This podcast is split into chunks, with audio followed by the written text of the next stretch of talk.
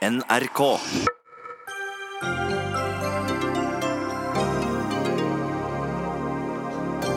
Mange forslag til hva oljefondet skal investere i. Miljø, fred, helse og nå også likestilling. Men oljefondet er ingen ønskebrønn, protesterer Høyre. Tenk deg godt om før du blir lege, sier lege. En ny undersøkelse viser at mange leger ikke vil anbefale unge i sin nærhet å studere medisin. Hva er det et tegn på? Og for fjerde år på rad får pensjonistene mindre å rutte med.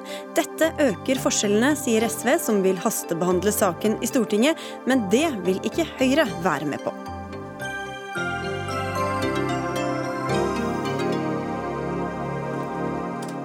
Vel møtt til Dagsnytt 18 i studio Sigrid Solund. Har du søkt medisinstudier og venter spent på om du kommer inn til høsten? Det er fortsatt tid til å prioritere om og sette et annet studium på førstevalget. Kanskje er det lurt, ut fra resultatene i en undersøkelse Legeforeningen har fått gjennomført. Den viser nemlig bl.a. at over halvparten av sykehusleger mellom 31 og 40 år ikke ikke vil anbefale unge i familien eller omgangskretsen å utdanne seg til å bli lege.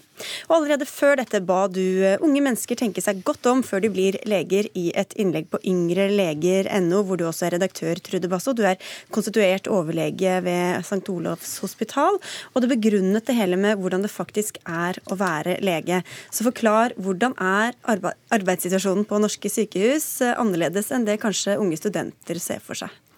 Jeg er helt sikker på at studenter, eller medisinstudenter de vet at de går inn i et yrke der tida er mer bundet opp um, uh, enn for veldig mange yrker som kanskje hadde vært et alternativ. Uh, og jeg tror at de som velger seg legeyrket, de ønsker også å jobbe mye. Ehm, jeg tror at de gjennom studiet får et veldig sånn klart inntrykk av hva samfunnet forventer av deg som lege. Og så får de et inntrykk, eller så finner ut av hvordan de selv ønsker å være lege. Eller de tror de vet hvordan de vil være lege. Og så begynner man å jobbe, og en stund så bruker man tida si på um, på en måte å komme opp på et nivå altså Da, da kaver man litt sant, for å bli flink nok til å mestre faget. Uh, og så kommer man opp et sånt, på et visst faglig nivå, og så møter man motstand i systemet mot å få være den legen som man kanskje hadde lyst til å bli. Og jeg tror at den kombinasjonen um, av forventninger fra andre eller fra samfunnet, forventninger fra seg selv på hvordan man ønsker å være lege, og det eh, stor, altså til dels stor arbeidsbelastning eh, og mye oppbundet tid, at det blir en sånn skvis, en krasj, som man kanskje ikke helt hadde forventa seg når man begynte på studiet. Ja, for hvordan er legehverdagen da, på sykehus? Nei, den er stort sett veldig spennende og givende. Um, og jeg er jo en sånn som jobber altfor mye selv, for at jeg liksom får meg ikke bort derfra. For jeg syns det er så artig å være på sykehus, og det har jeg alltid syntes. Uh, men det er, um, um, det er det at vi opplever at vi mister litt sånn kontrollen over hvordan vi skal utøve faget vårt. Uh, og, og, og Sant? Det at, eh, at, vi blir pålagt altså det at man, Bare som eh, eksempler som er veldig lette å forstå. At klinikere tas ut av klinikken for at de skal sitte og kode. Det er jo ikke mange som gjør det, men bare at man har en sånn prioritering, at det er en holdning. Vi tar deg ut av klinikken, du skal sitte her og kode fordi da tjener avdelinga mest penger. Eller at eh, vi vet at pasienter jeg er jo kirurg. Pasienter som har minst like vondt som de som har hofteproteser, må vente dobbelt så lenge og mye mer enn det. Fordi de blir prioritert bak, fordi det er mindre lønnsomt. Og så vet vi at eh, sykehusleger i dag de jobber eh, om over halvparten av tida til sykehusleger. Det går med på papirarbeid. Um, altså, det er ikke så mye papirer Jo, det er veldig mye papirer. Men altså At man sitter, sitter og, og, og, puncher og skriver. Uh, og så måles vi på kvalitetsindikatorer som vi egentlig ofte ikke er helt enige har noe som helst med kvalitet å gjøre, men det har med kvantitet. Mm. Um, og, og, så det er den herre vi, vi vet hva vi vil, og vi har så lyst og bidra til å, å, lage gode sykehus og god behandling. Og så får vi det liksom ikke helt til. Og så får vi ikke gehør for det. Mm. Og da, Jeg nevnte denne undersøkelsen som Legeforeninga bestilte. og Der er det særlig yngre leger eh, som er skeptiske til å anbefale andre til å bli leger. Hvordan stemmer det overens med ditt inntrykk av, av yngre legers erfaringer på, på sykehus? da? Jeg, men jeg tror det stemmer helt godt. Men det er viktig å påpeke at også Det var vel sånn bort mot 40% av de eldre, altså nå er det mange som blir fornærma, men, men, av overlegene ja, de er eldre enn noen. Av de mer erfarne legene eh, heller ikke vil anbefale sine barn å bli leger. Og det er det er nok det er den balansen mellom arbeid og fritid. Og så er det litt den derre Når man legger Altså, jeg, jeg tenker at veldig mange av oss, eh, veldig mange som jobber på sykehus, vi legger litt sånn sjela vår i det. Altså det, det går litt sånn på selvfølelsen å få gjøre en god jobb. Um, og, og, når du på en måte, du gjør så godt du kan, men så blir det aldri bra nok. Mm. Og det er ikke en veldig god måte å jobbe på. Og det går utover pasienten. Og så hører vi da Bjørn Erikstein, du er administrerende direktør ved Oslo universitetssykehus. Ikke bli lege, er det da mange som sier og som tenker. Hva, hva, hva tror du det er et tegn på? Nei, Først, først og fremst så syns jeg det er litt trist. Fordi legeyrket er jo et kjempespennende, kjempespennende yrke med veldig mange muligheter, sånn som Trude peker på. Du kan jo forske, og du kan finne nye ting. Du kan operere, og du kan diagnostisere, og du har virkelig en givende, givende hverdag. Og så syns jeg for så vidt ikke at jeg ser tegn til at uh, denne negativiteten har slått inn, fordi det er jo veldig mange som studerer medisin. Og det er vel, eh, Norge har vel en av de høyeste legetettheter i uh, Europa. Sånn at, sånn at, sånn sett så er det jo ikke noe rekrutteringsproblem. Men det er jo, det er jo trist at man, at man, ikke føler at det yrket man har valgt, svarer til det man hadde forventninger om. Men Kjenner du igjen den hverdagen som beskrives her? Jeg kjenner igjen den. Og det er klart at det er klart at det er mye rapportering og mye administrasjon. En del av det er jo pasientarbeid. Det å skrive brev til andre leger om hvordan du har behandlet en pasient, er jo pasientarbeid. Det å fylle ut resepter, sykemeldinger, er jo pasientarbeid. Men det er klart at rammene rundt arbeidet er jo blitt mer strukturert over tid. og det er klart at Når vi tar i bruk eh, elektroniske hjelpemidler, så må man på en måte gjøre tingene på én måte. Og man mister litt frihet til, eh, til å organisere liksom, eh, dagen sin, eh, som man kanskje kunne gjøre før, da jeg var yngre. For jeg, begynner, jeg kommer i den gruppen eldre leger. Du er den erfarne legen i gruppen? Ja, den eldre legen. da. Men da er det sikkert mange som tenker at dere tilhører et yrke som har tradisjonelt hatt høy status, mye makt, mye autoritet. Er det vanskeligere bare å innordne dere systemet som vi andre har vært slave av, mens dere har på en måte vært konge på haugen? Nei, men, men, vi som, som, jobber nå, vi har jo aldri vært noen konge på haugen. Altså, vi er jo fortsatt ledere i sykehus. Sånn, I den daglige pasientbehandlinga så er vi jo ledere sammen med altså Vi jobber jo sammen med andre eh, profesjoner på sykehus, men vi har fortsatt en lederrolle. Og, og, og, og, det er vi som på en måte står og beslutter hva pasienten skal behandles med. Eh, så det, det, handler ikke om sånn derre eh, Å, nå har vi, ikke, nå vi mista makta vår, eller noe sånt. Men, men det går på det at man ser i hverdagen hvor det butter. Hvordan kunne vi gjort dette her bedre? Eh, men så er det så langt opp dit som beslutningene tas. Eh, og, og, mye av det er jo bare at det, det, det, det utkrystalliserer seg en sånn ressursknapphet da, på gulvet. Mm. Um, men vi har, li, vi har, liten mulighet til å påvirke hverdagen. Ja, og Det er jo denne, denne undersøkelsen også viser, at det er veldig lite følelse av medbestemmelse. Mm. Ja. Uh, er det din feil, holdt jeg på å si? Eller hvem er det, hvem er det som gjør det sånn? Altså, det er jo måten vi organiserer det på. Det er klart at Vi er jo også på jakt etter unge leger som kan være med på å utvikle systemene hos oss. og Vi er veldig glad når unge leger tar et ansvar f.eks. i forbindelse med innføring av nye IT-systemer. og Da kan det jo påvirke hvordan disse skal innføres også. Men alle kan jo ikke gjøre det. Sånn at øh, jeg, tror er, altså jeg tror det er struktureringen, og jeg tror det er at, øh, at øh, Du kan si det at vi vi utarbeider behandlingsprogrammer for diagnostikk og behandling, så det er på en måte mer stringent enn det nok var. Og jeg tror jo at det bedrer kvaliteten og bedrer pasientsikkerheten. Eh, vi, vi, vi, blir mye mer detaljplanlagt enn tidligere. Det, det, er, det er, nok helt riktig, selv om jeg ikke jobba da tidligere. Eh, eh, men, men, det som er, når man planlegger ned, ned på detalj, så er, så er, dagen fylt opp før alt det ekstra kommer. Når du jobber på sykehus, så vet du aldri helt hva som liksom springer inn fra venstre og fra høyre. For det skjer nye ting hele tiden. Og det må, måte, det må, man få plass til. Og det er også med på å forklare litt hvordan det oppleves litt sånn kavete. Det er ikke effektivt. det er litt kavete. Det er for mye i systemet, fordi systemet er fullt før alt dette her man også skal gjøre, kommer inn fra sida. Og da vet vi også at eh, noen av dem som kommer med disse eh, kavete kravene, det er jo også politikerne som vil ha alt mulig inn i behandling. F.eks. Eh, Sveinung Stensland fra Høyre, du sitter i helse- og omsorgskomiteen på Stortinget. Her går det også utover pasientene, sies det. Men hvilket ansvar føler du for dette, da? Det fremste ansvaret vi politikere har, er jo å sørge for at ikke vi pålegger flere rapporteringer enn nødvendig. Og Det er jo bare å se på i, i, Stortingets arbeid, så er det jo nesten gått sport i å vedta nye ting fra opposisjonen bl.a., som skal følges opp av, av, regjeringen. og Da blir det jo fort rapporteringskrav nedover i systemet. Samtidig så må jo vi være tydelige på at uh, ledelse skal være prioritert. og Jeg har hatt møter med Yngre legers forening tidligere og, og har hørt mye av disse tankene før. Og, og, For meg så fremstår det som at det er mye dårlig ledelse på gulvet i sykehusene. Og de som jobber der som leger og andre fag, de opplever for stor avstand til de som har makta i systemet. og det, Mye kan løses med mer, eh, med mer, eh, involvering av de som jobber, eller fotfolket i sykehus. Da.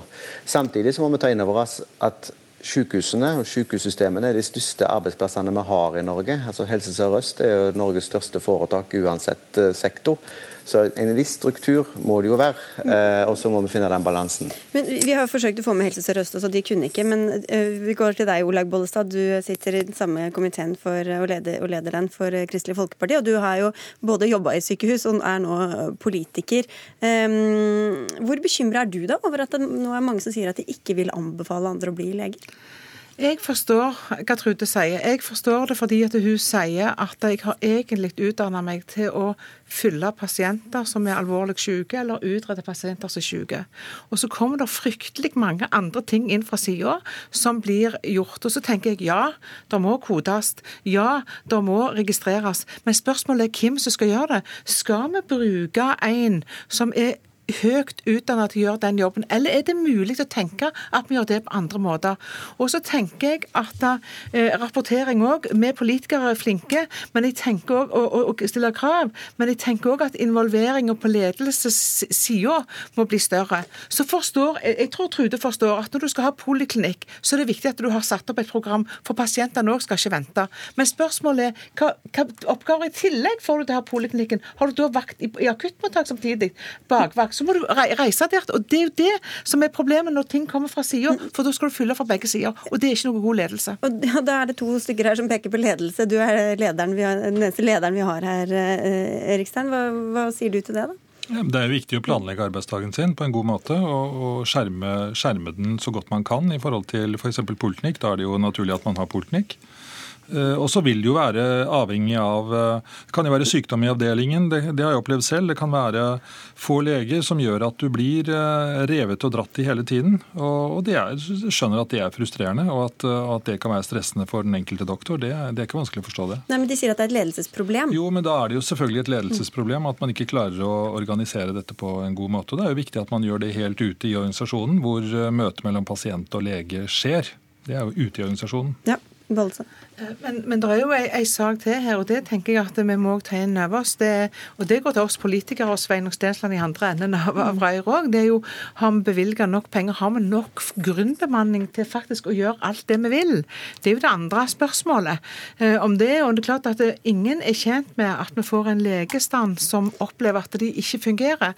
Og da tenker jeg da må vi ta et ansvar både på registrering. Er det noen noen stillinger eller type folk som skulle vært tilbake igjen i systemet, og hvordan kan vi sikre en medvirkning på hvordan de planlegger dagen. Er det lederen som skal planlegge dagen, eller skal vi tenke annerledes i planlegging av dager? Det er jo òg et spørsmål. Og Det er jo også en ting som, som jeg eh, vi, vi, som jobber, vi som er sykepleiere og leger og andre som jobber med pasientene, eh, når ting er litt sånn skvisa sånn som det er nå, så tror jeg at de gode løsningene de er det vi som har, for det er vi som vet hvor det butter. Og så tror jeg det at alle går på jobb for å gjøre en god jobb for pasientene og for hele sykehuset. Det er ikke sånn at jeg går på jobb for at jeg skal ha en god dag for meg selv. Altså Man får jo en bra dag når man har fått gjort en god jobb. Da kan man gå hjem, og det er ikke så farlig når man går hjem heller. Men men, men, i forhold til det der med eh, at man får pålegg på rapportering, eh, så er det jo sånn at det virker som at helseforetakene de velger jo litt selv hva de vil respondere på av det politikerne vil. fordi når det gjelder f.eks. det med ledelse, så er det jo flere helseregioner som har sett helt bort fra det med stedlig ledelse. Selv om det er et stortingsvedtak. Så det er litt sånn, det sånn pussig å stå og se på hva som blir prioritert og ikke. Og det er jo ikke de samme valgene som vi ville tatt, kanskje. Du føler ikke noe behov for å ta, ta den ballen? Jo, altså Vi har jobbet mye med stedlig ledelse. og Da mener jeg ledelse der ute hvor folk jobber. At man vet hvem lederen er, og at lederen er til stede. Og Jeg går jo pasientsikkerhetsvisitter. Jeg har jo gått 80 stykker tenker jeg, de siste par-tre årene. og Da møter jeg jo leger og sykepleiere der ute og snakker med dem om problemene de har for å løse hverdagsutfordringene. Og, og de har mange gode ideer. Det er helt riktig. Eh, jeg, jeg jobber i et, en, et, regionalt helseforetak der vi har gjennomgående tverrgående ledelse. Eh, både Hva betyr det? Nei, det vil si at Du har sjef som sitter på ett sykehus, og så har du ansatte i flere sykehus med store geografiske eh, områder. Du får ikke tak i sjefen, du vet ikke hvem han er. Men, men, du Stensland, du, du, peker på opposisjonen, men det må jo ta litt ansvar der også. Vi, vi, har jo forsøkt å få helseministeren hit, det, han kunne ikke i dag. Men, men, dere har altså laget et system hvor, hvor det er dette altså Det er et e, enorm struktur og et enormt system, og hvor vi hører at legene må bruke tid på helt andre ting enn det de egentlig skal gjøre. Hva slags ansvar tar du for det? Eh, først av alt så Jeg vekker ikke på opposisjonen utover at Stortinget har fått en hang til å vedta nye ting det skal rapporteres på, og det er jo en del av rapporteringskravene. Men eh, systemet som er i dag, er det jo ganske brei enighet om. Nå ble det jo avgitt en innstilling der tre partier mente at eh, vi skulle avvikle systemet. Det var SV, KrF og Senterpartiet. Men de store partiene, de som styrer pluss Arbeiderpartiet, vi er jo enige om at systemet skal være omtrent som i dag. Men hvor mye lytter dere til, til dem som, som faktisk står der med pasientene? Jo, Det er jo det jeg prøvde å si i mitt uh, første innlegg. her, at uh, Jeg, jeg syns det er rart, når vi, samtidig som vi har veldig høy legedekning i Norge sammenlignet med andre land, at vi har et sånt arbeidstrykk ute. og For meg er det et tegn på at en ikke bruker ressursene rett. Og Da er bl.a. dette med koding Bruker vi nok helsesekretærer? Eh, det snakker jo fastlegene om. De kan få mye ut av helsesekretærer hvis vi bruker dem. Og Det er faktisk noe jeg mener er ledelse. Det å bruke riktig person på riktig sted. Og jeg syns det virker helt merkelig å ha høyt utdanna, toppkompetente mennesker som sitter med, eh, med, papirarbeid som andre kunne ha gjort like mm. godt. Eh, det er én ting. Og så er det det på det, for jeg vet du har noen meninger om akkurat det. Ja, men, men, men det kan du si, Sveinung. Men samtidig så vil jeg si at når leger ute opplever opplever òg at prioriteringene blir etter hva slags ISF, altså hva slags eh, eh, hva som lønner seg, hva som lønner seg så, så kjenner en jo òg på at da går det på integriteten, på hva de syns er det som er, er, er greit. Og, og, Derfor så har jo jeg òg stilt noen spørsmål, og, og i flertallet har vedtatt å gå ned prosenten i det. Nettopp fordi vi vil ikke at prioriteringene skal være til det. Det skal være til faglige prioriteringer først og fremst. Og så tenker jeg, det å jobbe med så, så altså med, med personlige ting, de kommer langt langt inn i folks liv. Og da gå hjem hver eneste dag og føle at de har brukt tid på det de ikke skulle bruke tid på, og ikke får bruke tid på det de skulle bruke tid på, det tenker jeg er noe av det som går på å trives i jobben. Men, men jeg hører med deg, Erikstein, nå er ikke du, du er jo ansvarlig for ditt uh, sykehus, men, men er, er, det høres ut som løsningen er Skal du ikke bare ansette noen sekretærer, da? Noen andre som kan gjøre disse oppgavene? Eller? Ja, Det er fint at du spør om det, fordi dette med koding, det mener jeg det er en oppgave for legen. Og fordi koding er et feil ord. Det er å sette riktig diagnose. Det er det, det er det, legen skal gjøre. Hva er det som feiler pasienten, og, hva, og har hvordan har vi behandlet pasienten. Og så følger på en måte inntekten av det. Eh, sånn at, eh, sånn at, dette med koding det er en kvalitetssikring at man på en måte har gjort, eh, gjort, de tingene riktig. Men det er viktig det er viktig legearbeid faktisk å stille diagnosen og skrive ned hva som har skjedd. Nå fikk jeg et veldig skeptisk blikk fra Basso her. ja, fordi at Jeg sitter jo og koder sånn på, på, når jeg skal skrive ut pasienter. Det er jeg helt enig i at Vi skal registrere hva vi gjør og vi skal vite hva vi gjør. Jeg har ikke noe problem med det. Men når du har, nå hørte jeg et eksempel fra Drammen der en kliniker som er en flink kliniker med lange ventelister, er tatt ut av klinikken ene og alene for å sitte og kode for å, at avdelinga skal få mer penger, da tenker jeg at det har gått litt langt. Men så, Da vi snakket sammen tidligere i dag, så sa du også at det handler om å prioritere, at, og det er jo det Stensland også sier, at hvor mye skal inn i dette. Og da, Bollestad, er vel ikke dere dem som, bortsett fra kanskje når det gjelder assistert befruktning til enkelte grupper og sånn, som, som, vil liksom prioritere noe som helst ut eller ned av, i dette helsesystemet heller? Jo, det vil vi faktisk. Vi vil, vi vil prioritere det som trengs først. Og da er det de alvorlig syke som trenger hjelp først.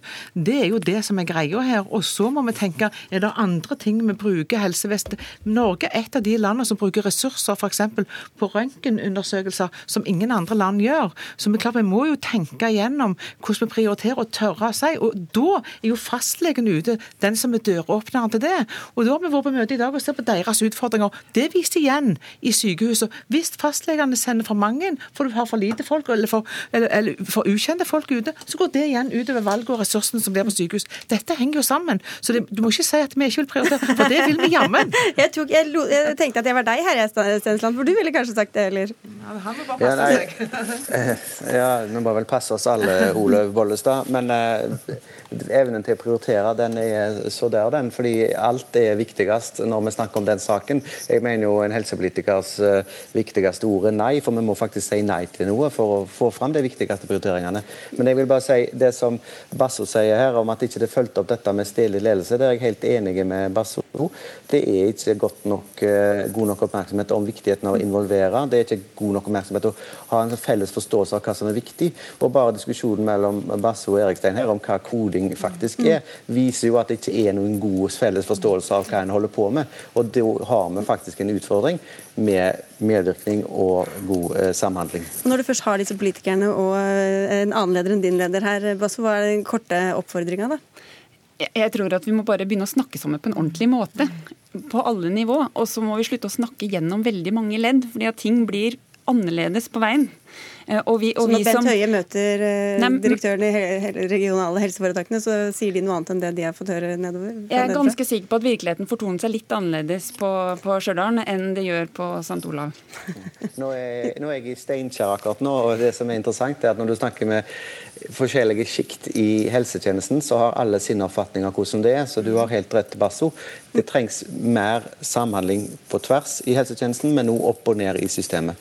Men, men det er jo ikke tvil om at vi har lagd en organisasjon etter hvert som, hvor det er eh, færre ledere, og de er leng, lenger ifra. Så skal vi få til dette, så må vi også ha ledere som er nærme der tjenestene går. Og så kan vi avslutte med å si Sveinung Stensland, at du, du er selv farmasøyt, men du vurderte å bli lege, og så fikk du råd fra en annen som allerede var det? Ja, det var en fastlege, speiderlederen min, sa 'ikke bli lege', sa han. og det var på 80-tallet. Ja, så- ok, så det er, det er ikke helt. Vi får håpe at noen fortsatt blir det, da. Og så får vi si tusen takk til dere fire som kom. Trude Basso, som altså er konstituert overlege på St. Olavs hospital. Bjørn Erikstein, som er administrerende direktør i Oslo universitetssykehus. Olaug Bollestad i Kristelig Folkeparti og Sveinung Stensland fra Høyre. Og vi har fått med oss at regjeringa er blitt enig med KrF om revidert nasjonalbudsjett. Det holdes en pressekonferanse i Stortinget halv sju, altså veldig snart. Og da skal vi få med oss Magnus Takvam mot slutten av sendinga, hvis lykken og teknikken står oss bi. Dagsnytt 18 alle hverdager klokka 18.00 på NRK P2 og NRK2. Ja, Støtt og stadig har vi debatter her i studio om hva oljefondet, eller Statens pensjonsfond om du vil, bør ligge unna, og hva det bør satse mer på. Snart skal vi diskutere om likestilling bør inn som en retningslinje, men først i saken som ble behandlet i finanskomiteen i Stortinget i dag. Det, der handlet det om satsing på infrastruktur innen fornybar energi. Nå ber komiteen regjeringa om å utrede investeringer i selskaper som ikke er børsnotert. Fra før har oljefondet et miljømandat beregnet på investeringer i børsnoterte selskaper. Kari Elisabeth Kaski, du er stortingsrepresentant for SV og medlem av finanskomiteen. Og dere vil jo ha sånne investeringer, og likevel er dere misfornøyde. Hvorfor det? Nei, Vi er sånn delvis fornøyd, vil jeg si i dag. Fordi eh, etter ti år faktisk med vurderinger og utredninger om oljefondet skal få lov til å investere i infrastruktur knytta til eh, fornybar energi, da særlig, så har eh, både Finansdepartementet og finanskomiteen endelig kommet frem til at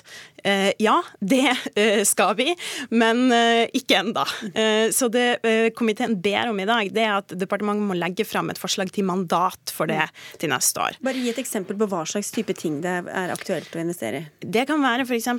solcelleanlegg, eh, ulik type fornybar energi, vindmøller. Men Kanskje mindre selskaper, da? Eller Ja, men samtidig også nok eh, større selskaper. For man ser, og det er litt av clouet her, at veldig mye av den veksten som man ser nå innenfor utbygging av fornybar energi, som åpenbart kommer til å vokse fremover også, skjer i sånne ikke-børsnoterte selskaper, og er ikke børsnotert. og det, Derfor så er det så viktig å åpne opp for at oljefondet kan få investere i det. Så er grunnen til at vi er litt misfornøyd også, vil jeg si, er at Ta det etterpå. Uh, ja, men, eh, og det er også sentralt er volumet på Ja, det vi snakker om. ja. Vi tenkte å ta, ta det litt det opp, oppstykket her. Uh, Mudassar Kapur, du sitter i den samme finanskomiteen, men eh, representerer Høyre. Ti år ble det nevnt her. I mine notater står det at det er tolv år siden Finansdepartementet ba om råd fra Norges Bank, eh, og fikk svar om at det var tilrådelig å gjøre sånne investeringer. Så hvorfor går dette så utrolig sakte? Ja, det kan jo sikkert tolv stortingsflertall besvare. Eh, Men for oss har det faktisk vært, eh, for oss har det vært veldig viktig å eh, holde oss til suksessformene for oljefondet, det er faktisk å trå varsomt eh, frem, høste erfaringer eh, og ha det Stoler ikke på Norges Bank, da? Vi stoler på Norges Bank. De gir anbefalinger. De gir, ikke, de gir ikke noe mer enn det, og så skal vi forvalte det på en god måte. Nå har vi jo faktisk åpnet for å uh, vurdere dette. Vi har bedt regjeringen komme tilbake med et utkast til mandat allerede neste år, så det ikke blir sånn usikkerhet nå med flere utsettelser. Men det er faktisk viktig for oss å understreke at vi må ikke glemme at målet for forvaltningen er å oppnå høyest mulig avkastning innenfor en eh, moderat risiko. Og Den viktigste forskjellen mellom oss og SV i denne saken nå, er jo, fordi dere er jo halvfornøyd, det er jo egentlig farten. Der hvor de ønsker å skynde seg frem, eh, så ønsker vi å høste erfaringer, lære av eh, dette, og så bygge det opp sten for sten, slik vi også gjorde da vi gikk inn i eiendom. Dere har jo vært imot det helt fram til nå, da? Vi har sagt at eh, vi har vært imot unotert infrastruktur i sin helhet, fordi at det er jo mye mer enn bare fornybar energi. Det er alt fra flyplasser, bomveier osv., og, så og der er jo fortsatt et eh, stort flertall i komiteen enig. Men så er det jo sånn at dette, altså Innvendingene har jo gått på at dette er også mer risikable investeringer, Kaski, så hva er det som er så farlig da med å ha en utredning da først før man setter i gang? Det har vært ut, fordi det har vært utreda så mange ganger, og konklusjonene er veldig entydige i de utredningene, at det her er klokt for oljefondet å investere i. og Det, det er jo heller ikke uvanlig. altså Tvert imot så er de fleste pensjonsfond åpner nå opp for å investere i unotert infrastruktur. Og saken er den at Dette handler ikke først og fremst om, om miljø, eh, selv om jeg er veldig opptatt av det. Det handler også om å, om å diversifisere oljefondet, om å spre risiko, om å sørge for at man har investert i ulike typer ting. Og Det å være investert i infrastruktur gjør at vi er mer rusta for å håndtere store svingninger i aksjemarkedet, som vi også tungt investert i. Så jeg mener også at det er gode finansielle argumenter for å gjøre det her. Hva er det denne utredningen kan vise som vi ikke vet fra før Adar Kapur? Altså Det vi skal gjøre nå, er jo å få et utkast til et mandat for å gå inn i dette. Eh, det så det er, det er, et grønt lys, så liksom? Jo, og, og, Finansdepartementet har jo vært positive også når de har vært på høring. Men, men, det som er viktig her, er jo nettopp det eh, Kari, Kaski tar opp, eh, Kari Elisabeth Kaski tar opp, dette med det finansielle. Og fordi at dette er et finansielt spørsmål, så skal vi ikke rushe inn dette. Vi skal høste erfaringer. Dette er det norske folks sparepenger. Det er ikke de politiske partienes ønskebrønn hvor vi bruker oljefondet for å oppnå politiske mål om klima eller andre ting. Nei, det og det er der Høyre og SV skiller seg. For oss så blir dette en veldig viktig, uh, måte, altså en viktig prinsipp å holde på. Okay. Sånn som vi da også gjorde da man gikk inn i eiendom i sin tid.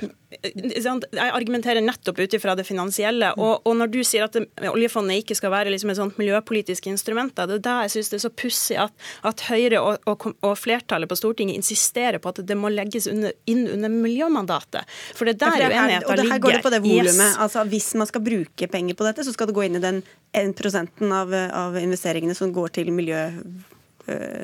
miljøfond, holdt jeg på å si. Ikke fond, men Nei, ja. ja. ikke sant. Miljøinvesteringer. Ja. Og det er det jeg syns er synd. fordi eh, i dag så brukes om lag 1 eller i underkant av 1 spesifikt knytta til miljøretta investeringer. Det var noe som vi fikk gjennom, kjempeglad for.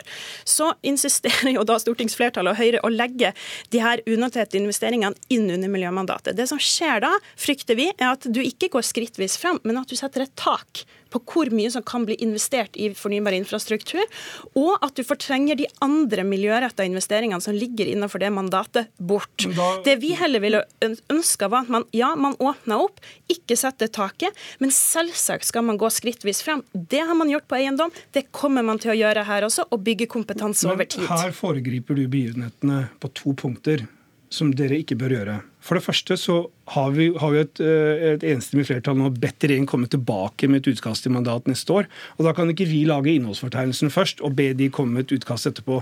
Nummer to. Så du vet ikke om det skal inn under den ene prosenten? Nummer to. Eller, vet så, du det? Ja, det er det jeg kommer til nå. Ja, okay. Nummer to, så har et flertall bestående av regjeringspartiene og Senterpartiene også bedt regjeringen vurdere størrelsen på mandatet og vurdere om det kan økes i rammer.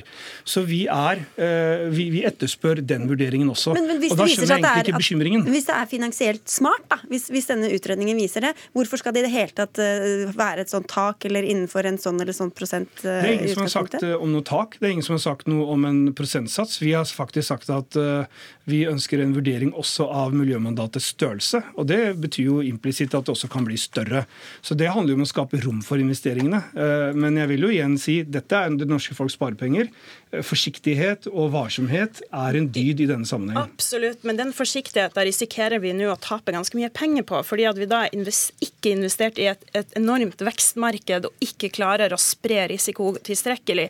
Og det er veldig fint hvis Høyre til neste år går med på å løfte det her ut av miljømandatet, sånn at vi kan fortsette å andre miljørettede investeringer. Men jeg vil også legge til at når eh, storting, eh, flertallet eh, og regjeringspartiene sier at man skal vurdere størrelsen på miljømandatet, vi ønsker i utgangspunktet å, å si at det skal økes, og ikke bare vurdere det. Så det er litt en kreativ okay. historiefortelling fra Høyre. Inkludert størrelsen. Ok, vet dere hva? Vi skal videre om oljefondet, men vi sier takk til deg i denne omgangen, Kari Elisabeth Kaski. Du blir sittende her. fordi det er altså sånn at oljefondet skal investere grønt, så hører vi. Eller i hvert fall kanskje mer grønt også. Og fra før er det regler mot investeringer i klasevåpen, i tobakk, mot barnearbeid, korrupsjon bl.a. Og nå kommer ytterligere forslag om retningslinjer, og da er det likestilling det handler om. For dere tar til orde for å satse på likestilte bedrifter. Marie Louise Sunde, du er daglig leder i likestillingsorganisasjonen Hun spanderer. Og Du skal få komme med forslaget, men forklar først hvordan du beskriver eller definerer disse likestilte bedriftene. Ja, og Bakgrunnen for dette er at uh, World Economic Forum de kom med en rapport sånn som de har hvert år i 2017, uh, eh, hvor de sier at med dagens tempo så vil vi nå økonomisk likestilling først om 217 år. Det er kjempelenge. og Det er litt sjokkerende både fordi det er lenge, men det er også sjokkerende fordi dette er første gangen hvor denne prognosen er oppjustert med nesten 50 år fra året før. Så vi går altså tilbake når det kommer til økonomisk hva, likestilling. Hva betyr økonomisk likestilling? Uh, det måles på forskjellige måter, men den indeksen som vi har gjort utregningen i filmen på, da er det målt på fire ting. Det er målt på likestilling i både ledelse og i arbeidsflokk. Det er målt på lik lønn for likt arbeid i bedriften. Det er målt på om de har likestillingstiltak, og om de har åpenhet i bedriften på disse tingene. Så de bedriftene som har, gjør det best på eh, disse fire parametrene, de 100 bedriftene som gjør det best, de har ifølge denne Equilip-indeksen hatt en økt avkastning på 1,3% sammenlignet med resten de siste tolv årene. Så det er det som er grunnlaget for den utregningen. Da. Ja, så, og, så da mener dere at da er det lurt at oljefondet satser på likestilte bedrifter? Ja, så vi mener det. Vi har laget denne filmen sammen med Det er en slags reklamefilm for dere? Eller ja, denne filmen? Ja. Denne filmen er en, en, en, for å sette fokus på Vi fokuserer på likestilling, så det er for å sette fokus på det. For å sette fokus på den økonomiske likestillingen. Eh, og vi har gjort det sammen med Kron, som er et digitalt fondsrådgiver. Eh, og det vi ønsker, er at Og det var jo det du var inne på i sted, at eh, oljefondet har gått foran som et godt eksempel på mange samfunnsområder. Dette er åpenbart et viktig samfunnsområde, eh, og det er riktig at et av verdens største fond eh, tar det inn over seg. Men så er det også, viser seg økonomisk lønnsomt. Vi har denne Equilip-indeksen som jeg snakket om. McKinsey har gjort analyser som viser at hvis verdens eh, Vest-Europa hadde fulgt best case scenario, så hadde BNP blitt økt med 2000 milliarder eh, de neste 25 årene. Det er gjort eh, mange analyser som viser at likestilling gir bedre avkastning. Mm. Så det er ikke bare fordi det er det riktige å gjøre, men det er også fordi det reduserer risikoen, mener vi fremover. Ok. Mudassar Kapur, du er fortsatt stortingsrepresentant for Høyre. Du snakket om en ønskebrønn i stad, så jeg gjetter at du fortsatt er skeptisk til dette forslaget? Altså, jeg, jeg, jeg, altså, intensjonen er god. For det er ikke noe tvil om at uh, bedrifter som har mangfold, uh, og da tenker jeg ikke bare på de fire faktorene du nevner, men også dette med, uh, dette med mangfold i forhold til etnisitet, nedsatt funksjonsevne. Altså, vi vet jo at det skaper god konkurranseevne. Det er jo noe vi jobber mye med her i Norge også. Uh, og Oljefondet er jo i dag i 72 land og i over 9000 selskaper. Uh, og man uh, er vel i 1,4% av verdens børsnoterte selskaper, så det er ganske svært. men jeg vil, jo, jeg vil jo samtidig advare mot å bruke oljefondet til den type måloppnåelse. Jeg tror at eh, oljefondet kan utøve god eh, eierskapsutøvelse ved å være til stede på generalforsamlinger, de voterer, de har masse, flere tusen møter i året. Men det å på en måte bruke pengene for å få opp likestillingen gjennom oljefondet, det tror jeg er feil bruk. Det jeg heller ville gjort, var å satse mer på det vi gjør for å få flere jenter i arbeid, i særlig de landene hvor vi bør sitte rundt uh, styrebordene. Jenters rett til utdanning, få flere kvinner i arbeid, bruke bistandsmidlene til å få altså, til ikke gjennom oljefondet, men gjennom andre ja, men også alt annet vi gjør. Jeg var, jeg var, en uke hos Verdensbanken og IMF, og hva er det de sier? Eh, de vil gjerne ha mer støtte til mange av de tiltakene de gjør for å skape et næringsliv hvor også flere kvinner og folk med annen etnisk minoritetsbakgrunn kan delta. og Det er der det, er okay. der det ligger. Men eh, det er litt tilbake på dette med ønskebønn. fordi Oljefondet har allerede bestemt at man gjør negativ seleksjon hvor man plasserer pengene sine. Man har bestemt at vi, går, vi investerer ikke i barnearbeidere, vi investerer ikke i kull nylig. Eh, så den avgjørelsen har på en måte oljefondet allerede tatt. Eh, og i, tillegg så mener jeg at det, det vi mener med å, å, gi denne filmen med Hun spanderer, det er at det er ikke en ønskebrønn, men det er en reduksjon av risiko. Fordi vi ser at likestilte bedrifter gjør det bedre konsernledere. Så vi, vi, mener ikke at man skal gjøre en positiv seleksjon ved at du skal gå inn og velge de mest likestilte. Det skjønner jeg at oljefondet er altfor alt stort å gjøre. Men det man kunne gjort, var en negativ seleksjon og sett på f.eks. bedrifter som ikke har noen kvinner i konsernledelsen eller noen kvinner i styrene. De kunne man da være å investere i. Det gjør oljefondet allerede med veldig mange andre parametere. Og det hadde ikke vært så vanskelig å få til. Men, men, det er jo det jeg sier. Jeg tror at i land hvor det er uh, få, uh, hvor vi ser næringsliv hvor det er få kvinner i ledelsen, få kvinner rundt styrbordene, det er vel kanskje nettopp der vi bør være til stede. Jeg tror ikke det blir noe bedre av at Norge trekker seg Du skal investere ekstra i der hvor det er lite likestilling? Nei, men det handler jo faktisk om å ha en hånd, en hånd på rattet og uh, kunne være positiv Men dette gjelder jo ikke bare i disse landene, dette gjelder jo også i de mest likestilte landene. Men det er én ting jeg vil gjerne ha svar på, det er at hvor setter du grensa? da? Altså Det virker nå som at du sier at det skal være et prosentmål, skal det være x antall kvinner, x antall mennesker med minoritetsbakgrunn, nedsatt funksjonsevne. Hvor setter du disse grensene for at det norske folks sparepenger skal trekkes inn eller ut? Ja, Det ville jo ikke vært meg personlig som satte de grensene. så det må noen som kan det. Hva, ja, det, hva, mener du? Min oppfordring er at uh, dere gjør en vurdering på det, at man ser om man kunne hatt sånne kriterier. Man har det på miljø, man har det på barnearbeid, man har det på veldig mange andre ting. Men det finnes ikke kriterier som går på likestilling. Og det er noen kriterier som man kunne fått til i dag som er lett. F.eks. at ikke du har noen kvinner i konsernledelsen eller i styreledelsen, uh, som ville gjort det mulig å selektere, negativt selektere bedrifter som ikke er likestilte. Men hvis det er sånn at oljefondet går etter de mest lønnsomme bedriftene, med unntak av klasevåpen osv., da vil vi jo tro at de allerede er investert i disse likestilte bedriftene, hvis det er de som er mest lønnsomme? Ja, og det ville man gjort hvis man hadde en perfekt markedsøkonomi. Men det er ingen land i, dag som ikke regulerer markedsøkonomien i det hele tatt. Eh, og hvis du skulle solgt eh, mest mulig billig sko, f.eks., eh, så ville det hjulpet. Men man har sett på global oppvarming, f.eks., der har ikke markedsøkonomien vært så veldig god. Eh, og jeg vil tro at når det kommer til likestilling, så er den heller ikke det. Hvordan skal du vekte likestilling opp mot f.eks. miljø eller andre hensyn? For det er altså, ikke nødvendigvis gitt at Man vekter jo ikke miljøet mot barnearbeid, f.eks. Eh, så jeg, så jeg syns ikke det blir en vekting at du enten så må du velge barnearbeidere, eller så må du velge likestilling. Eh, men man velger ekskluderer de tingene som man mener at er e-, etisk uforsvarlig. Og jeg mener at diskriminering av kvinner er noe vi kan si er etisk uforsvarlig. Og Kapur, det er jo som, som hun sier, det er ikke sånn at vi begynner på null. Det finnes jo allerede en rekke kriterier, jeg har listet opp noen av dem. Eh, men det er ved likestilling f.eks. vil du da sette grensen. Hvorfor det?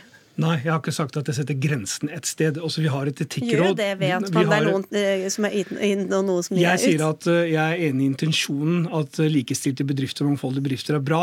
Men jeg sier samtidig at det viktigste for oljefondet er å tenke på risiko og avkastning. Og jeg, jeg, tror faktisk ikke at det å måte bruke oljefondet på den måten vil nødvendigvis gi mer likestilling. Nei, men du sier Det er ikke noe de skal skule til når de investerer? Det de gjør, er jo bl.a. å se på menneskerettigheter og barns rettigheter, antidiskriminering. Det er en del ting man ser ja, på. Men, men, jeg tror at liksom, det å ha en sånn nulltoleransegrense på at uh, hvis det ikke er likestilt, så går vi ikke inn penger, det blir egentlig en utopisk men hvorfor, eh, hvorfor problemstilling. Ikke? ikke hvis du har noen kriterier som er lette å måle på det.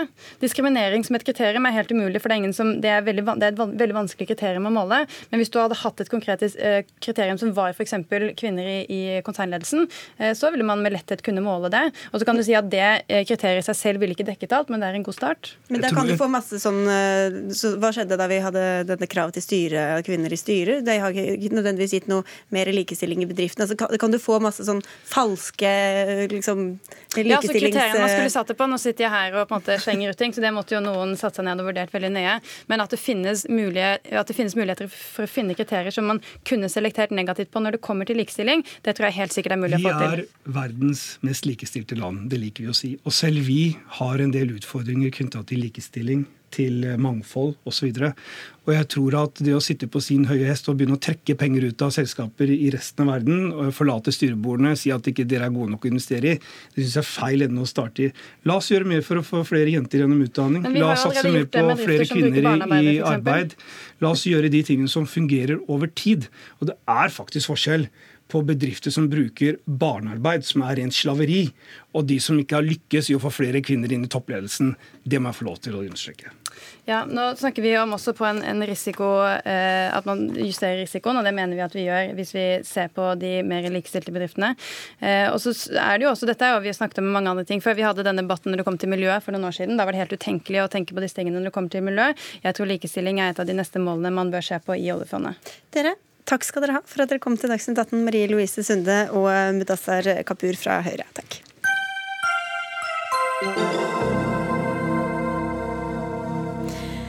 Nå til en historie som mange sikkert har fått med seg. For to dager siden kom meldinga om at den russiske journalisten og Putin-kritikeren Arkadij Badsjenko var skutt og drept utenfor sin egen leilighet i Kiev. Og det trodde de aller fleste på, hvorfor skulle ikke det?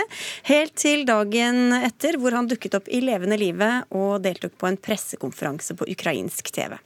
Lene Wetterland, du leder Russland-avdelingen ved den norske Helsingforskomiteen. For en historie. altså Du fikk selv disse rapportene. Hva var det du tenkte? Eh, ja, man tenker jo mye. da de første meldingene kom eh, i forgårs kveld, så ble jeg jo veldig lei meg. Jeg har jo eh, jobbet med han, møtt han flere ganger. Han har vært tre dager hos mine foreldre på Vestlandet for å, for å slappe av. Så det er veldig triste nyheter. Helt, og ikke utenkelig. Og ikke utenkelig nettopp pga. det arbeidet han har gjort, og at dette har skjedd med journalister før han, og dessverre kommer til å skje med andre journalister senere. Men så Men så, eh, i går, så var det jo flere Vi satt og lurte på hva skal vi gjøre, og eh, forbereder ulike utspill. Og så kommer det plutselig beskjed om at han er ikke død likevel. Han snakker nå på pressekonferanse.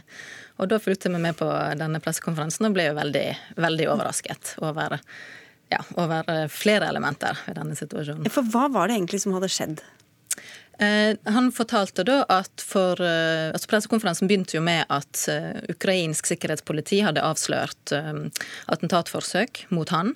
De hadde kontaktet han og sagt vil du være med på å avverge dette, men da må vi spille det ut. Og da hadde han blitt enig om å være med på det. Så dette var en veldig lukket aksjon. han skulle late som han var død, sånn at man kunne fange de som sto bak og muldvarper i, i ukrainsk sikkerhetstjeneste. Tore Bukkvold, du er forsker og Russland-ekspert kan vi kalle det, eh, ved Forsvarets forskningsinstitutt.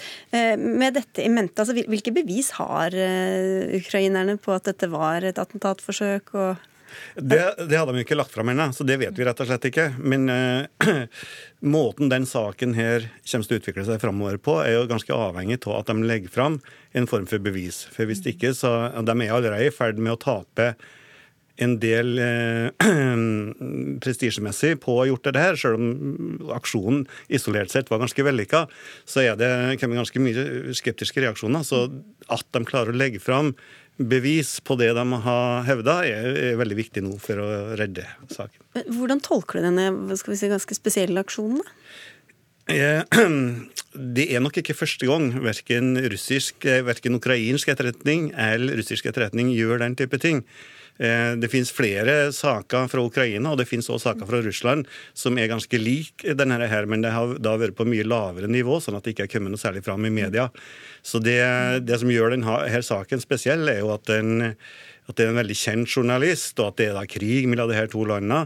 Og at det her kom ut sånn at det, det på en måte spredde seg i alle verdens medier, som, som gjør saken mer spesiell.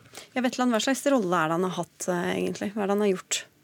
Eh, Babchenko har sjøl eh, kjempet i begge Tsjetsjenia-krigene for eh, Russland. Så han vet hva krig er, og han skriver om det på en måte med et veldig levende, veldig ærlig språk. Han beskriver ikke det som president Putin når han glorifiserer krig, men Babchenko skriver om hvor forferdelig det egentlig er for de som er involverte.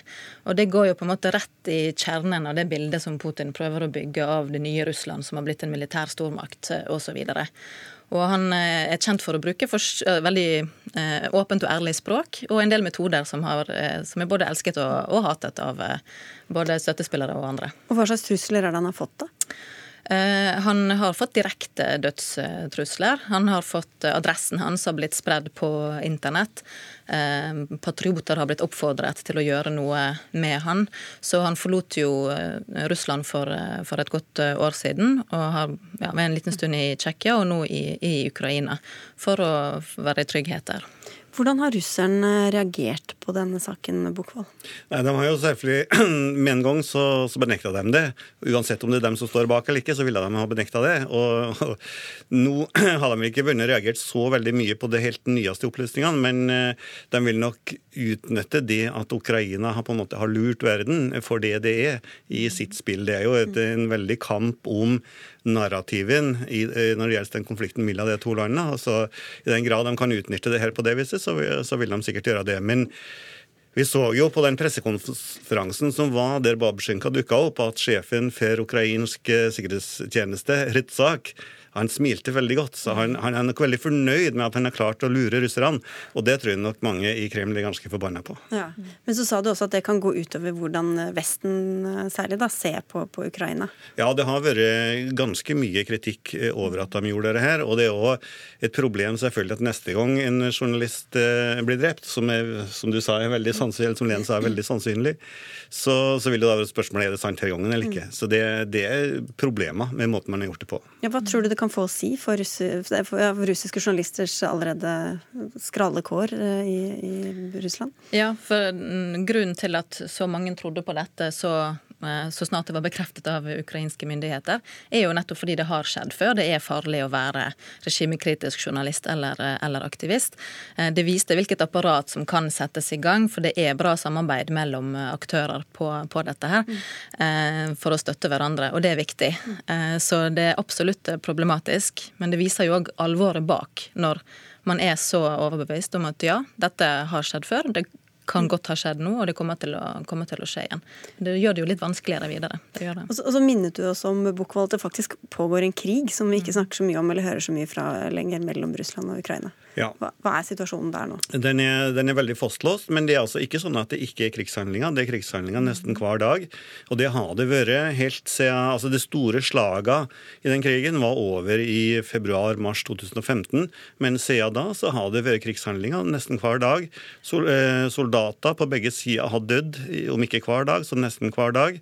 Eh, så det er en, fremdeles en blodig krig, og det er veldig vanskelig å se noen noe form for løsning. Det har vært en del snakk om i det siste at man kan, at man kan få FN-styrker, altså en fredsstyrke dit.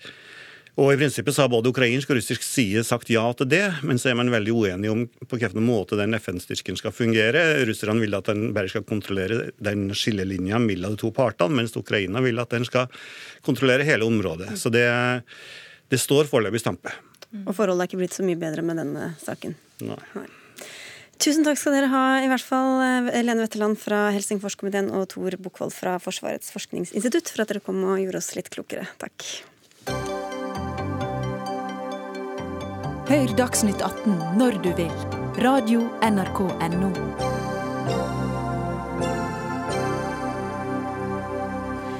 For fjerde år på rad får norske pensjonister mindre å rutte med etter årets trygdeoppgjør. Dette vil SV gjøre noe med, og nå lanserer partiet et hasteforslag for å få behandlet oppgjøret i Stortinget allerede før sommeren. Men dere sier nei, Heidi Nordby Lunde, du sitter i finanskomiteen på Stortinget for Høyre. Hvorfor vil bare sitte og se på at pensjonister nå taper kjøpekraft for fjerde år på rad?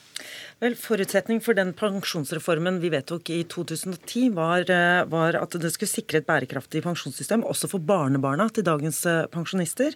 Og det, eh, det krever forutsigbarhet for, for, at det alltid skal lønne seg å jobbe. Da vedtok man at pensjonistenes utbetalinger skulle følge den årlige um, alminnelige lønnsveksten med en liten underregulering, sånn at det alltid skulle lønne seg å jobbe. Fordi Du ville jo vært bra dum hvis du som 62-åring i 2014 satt og så på at eh, pga. oljekrisa så ble lønningene stående stille, men bare bli værende i jobb. Samtidig som du så at hvis du hadde tidligpensjonert deg, så kunne du fått mer i pensjon. Det er grunnen til at vi ikke ønsker årlige oppgjør, som man hadde tidligere, men ønsker å, å opprettholde forutsetningen for pensjonsreformen. Altså dette går helt automatisk nærmest. Da. Altså etter lønnsoppgjøret så trekker man fra 0,75% og så får pensjonistene det. Det er helt riktig. Ja. Um, dette vil ikke dere vite av, da. Kirsti Bergstø, du er nestleder i SV. Eller hva er det egentlig dere foreslår? Vi foreslår at uh, trygdeoppgjøret må behandles på en uh, ordentlig måte. Fordi det er en veldig alvorlig situasjon. Dette er fjerde året på rad uh, at pensjonister får mindre å leve av. Og Det betyr at prisene går opp, mens pensjon blir hengende igjen. Eh, og eh, alle skal jo betale både brød og bolig eh, med pensjonen sin. Og har du vært pensjonist de fire siste årene, så har det vært fire år med tap. Og det her går utover menneskers mulighet for en verdig alderdom, og det er med på å øke forskjellene i samfunnet vårt. Og vi ønsker å behandle pensjon som et politisk spørsmål, for pensjonsreformen kan ikke leses som en matematisk tvangstrøye, en ren kalkulatorutregning. Det er faktisk mulig å å gjøre endringer når situasjonen er så alvorlig men, men da vil dere bare skrote hele ordninga, da, eller? Altså, SV var imot hele grunnlaget i pensjonsreformen, men det er likevel mulig å stå på pensjonsreformen og det forliket som var, og legge andre beregninger til grunn. Det krevde Pensjonistforbundet, det har fagforeningene krevd, fordi at det er en helt spesiell situasjon som veldig få kunne sett at Men da tar dere bort hele grunnlaget for, for ordninga? Det er mulig å, eh, å, regulere på en annen måte eh, og sikre eh, at pensjonistene ikke taper kjøpekraft, og det har vi foreslått i, i Stortinget. Men, men hvorfor skal pensjonistene ha systemer som ingen andre skal ha? Det er et spørsmål om fordeling. Eh, fordi det her er et spørsmål om eh, fordeling av eh, verdiene i et samfunn. Og vi syns det er fullstendig urimelig at dem som har vært med å bygge opp landet, nå skal være de som sitter og taper. Mens det finnes penger både til, i milliardklassen til de aller rikeste, og det finnes penger til avgiftslette for luksusbiler. Da syns vi det er fullstendig urimelig at pensjonistene skal tape år etter år uten at det tas grep. Og vi har jo invitert invitert Frp med på denne debatten. Eh, de viker unna igjen og igjen. Eh, heldigvis eh, møter, møter Høyre opp for å stå til ansvar.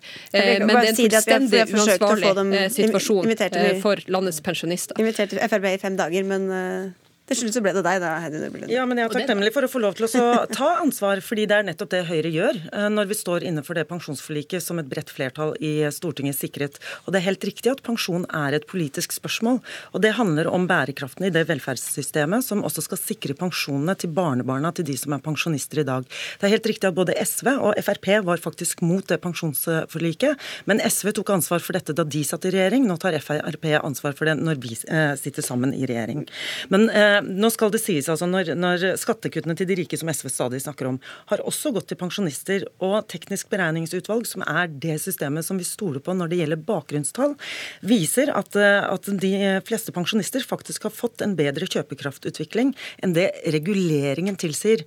Og Derfor blir det så feil at vi skal behandle en proposisjon som eh, for alle praktiske formål egentlig er en teknisk proposisjon, som flytter penger fra Finansdepartementet til Arbeids- og sosialdepartementet, når regjeringen hvert år legger fram, ja, men hvert år legge fram en melding til Stortinget som går på helheten i pensjonistenes inntektsutvikling. Ja, altså det betyr at du vil ikke ha det behandlet hvert år uh, politisk? Du skal bare gå etter den uh, regelen? Ja, altså vi har behandlet Vi brukte ti år på å evaluere og grundig ja, ja, gjennomgå ikke, en pensjonsreform. Ikke, ikke, si sånn hva, Gikk det bra i år med trygdeoppgjøret, eller skal vi behandle det? Det er, det, det er her det skiller lag. Det viser seg jo også at i år så har de mest sårbare kommet bedre ut. Både minstepensjonistene har fått mer, og de uføre har fått mer. Men det er helt riktig at alderspensjonistene eh, står foreløpig stille, og så ser vi at det, det vil bedre seg fra, eh, fra, neste år. De får dårligere råd. Ja, altså Til forskjell fra hvis man hadde gjennomsnittsregulert pensjonene fra eh, Hvis man da sammenligner med 2010, så kommer en alderspensjonist i dag ut 1800 kroner dårligere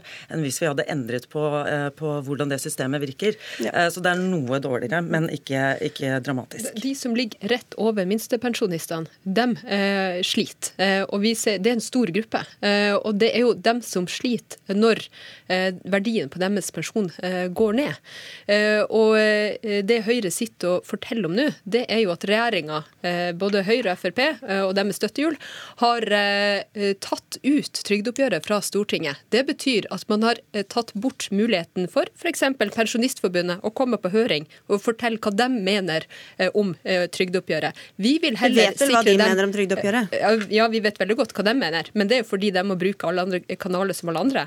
Eh, vi vil heller gi dem eh, forhandlingsrett eh, til å være med på å påvirke oppgjøret. Men, men, men, og, men Kirsti Bergstø, hvis dere skal ha dette stortingsbehandlet, vil du da noen gang gå med på et oppgjør hvor pensjonistene går i minus? Fordi Noen ganger går de jo pluss, og noen ganger går de i minus.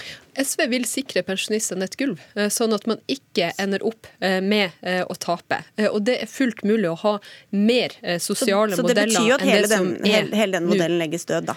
Altså Det betyr at vi ser helt annerledes på pensjon som et fordelingsspørsmål enn det Høyre gjør. Vi mener at de som har bygd dette landet, faktisk skal ha krav på en verdig alderdom. Og det er vi enige om, men, ja, men SVs forslag undergraver hele forutsetning for et bærekraftig pensjonssystem som også sikrer pensjoner, ikke bare for de i dag, men også også for barnebarna eh, deres. Men, men, det er jo som hun sier at de fleste andre grupper, alle andre grupper har jo eh, en mulighet til å påvirke. Altså Hvis man er misfornøyd, så kan man streike f.eks. Men her står pensjonistene totalt uten virkemidler. Men det er med respekt å, å melde også helt feil. For som jeg sa i stad, eh, hvert eneste år så legger, legger regjeringen fram en stortingsmelding som går på helheten i pensjonistenes inntekt. Pensjonistforbundet er hjertelig velkommen til, og har vært i Stortinget hvert eneste år også. Men ingen bryr seg om de streiker, for å si det sånn. Nei, men de, de har andre måter å, eh, å, påvirke på. De sitter også i teknisk beregningsutvalg, som påvirker også hvordan man, eh, man, eh, man beregner også pensjonene. Men her er jo spørsmålet om man skal ha muligheten til å påvirke fordelinga eh, i et trygdeoppgjør. Eh, og det mener vi at er rimelig, fordi at vi får veldig usosiale utslag nå eh, på Høyre og Frp eh, sin, sin, post. Og det er forskjell på å bli invitert til å diskutere en melding og det å bli være med på å faktisk ha noe å si for et, et oppgjør. Men, men, men, når, ja, jeg vil bare inn på ja. det hovedgreiene her også, fordi det er jo noe med den potten og hvem som skal få den, som dere begge snakker om.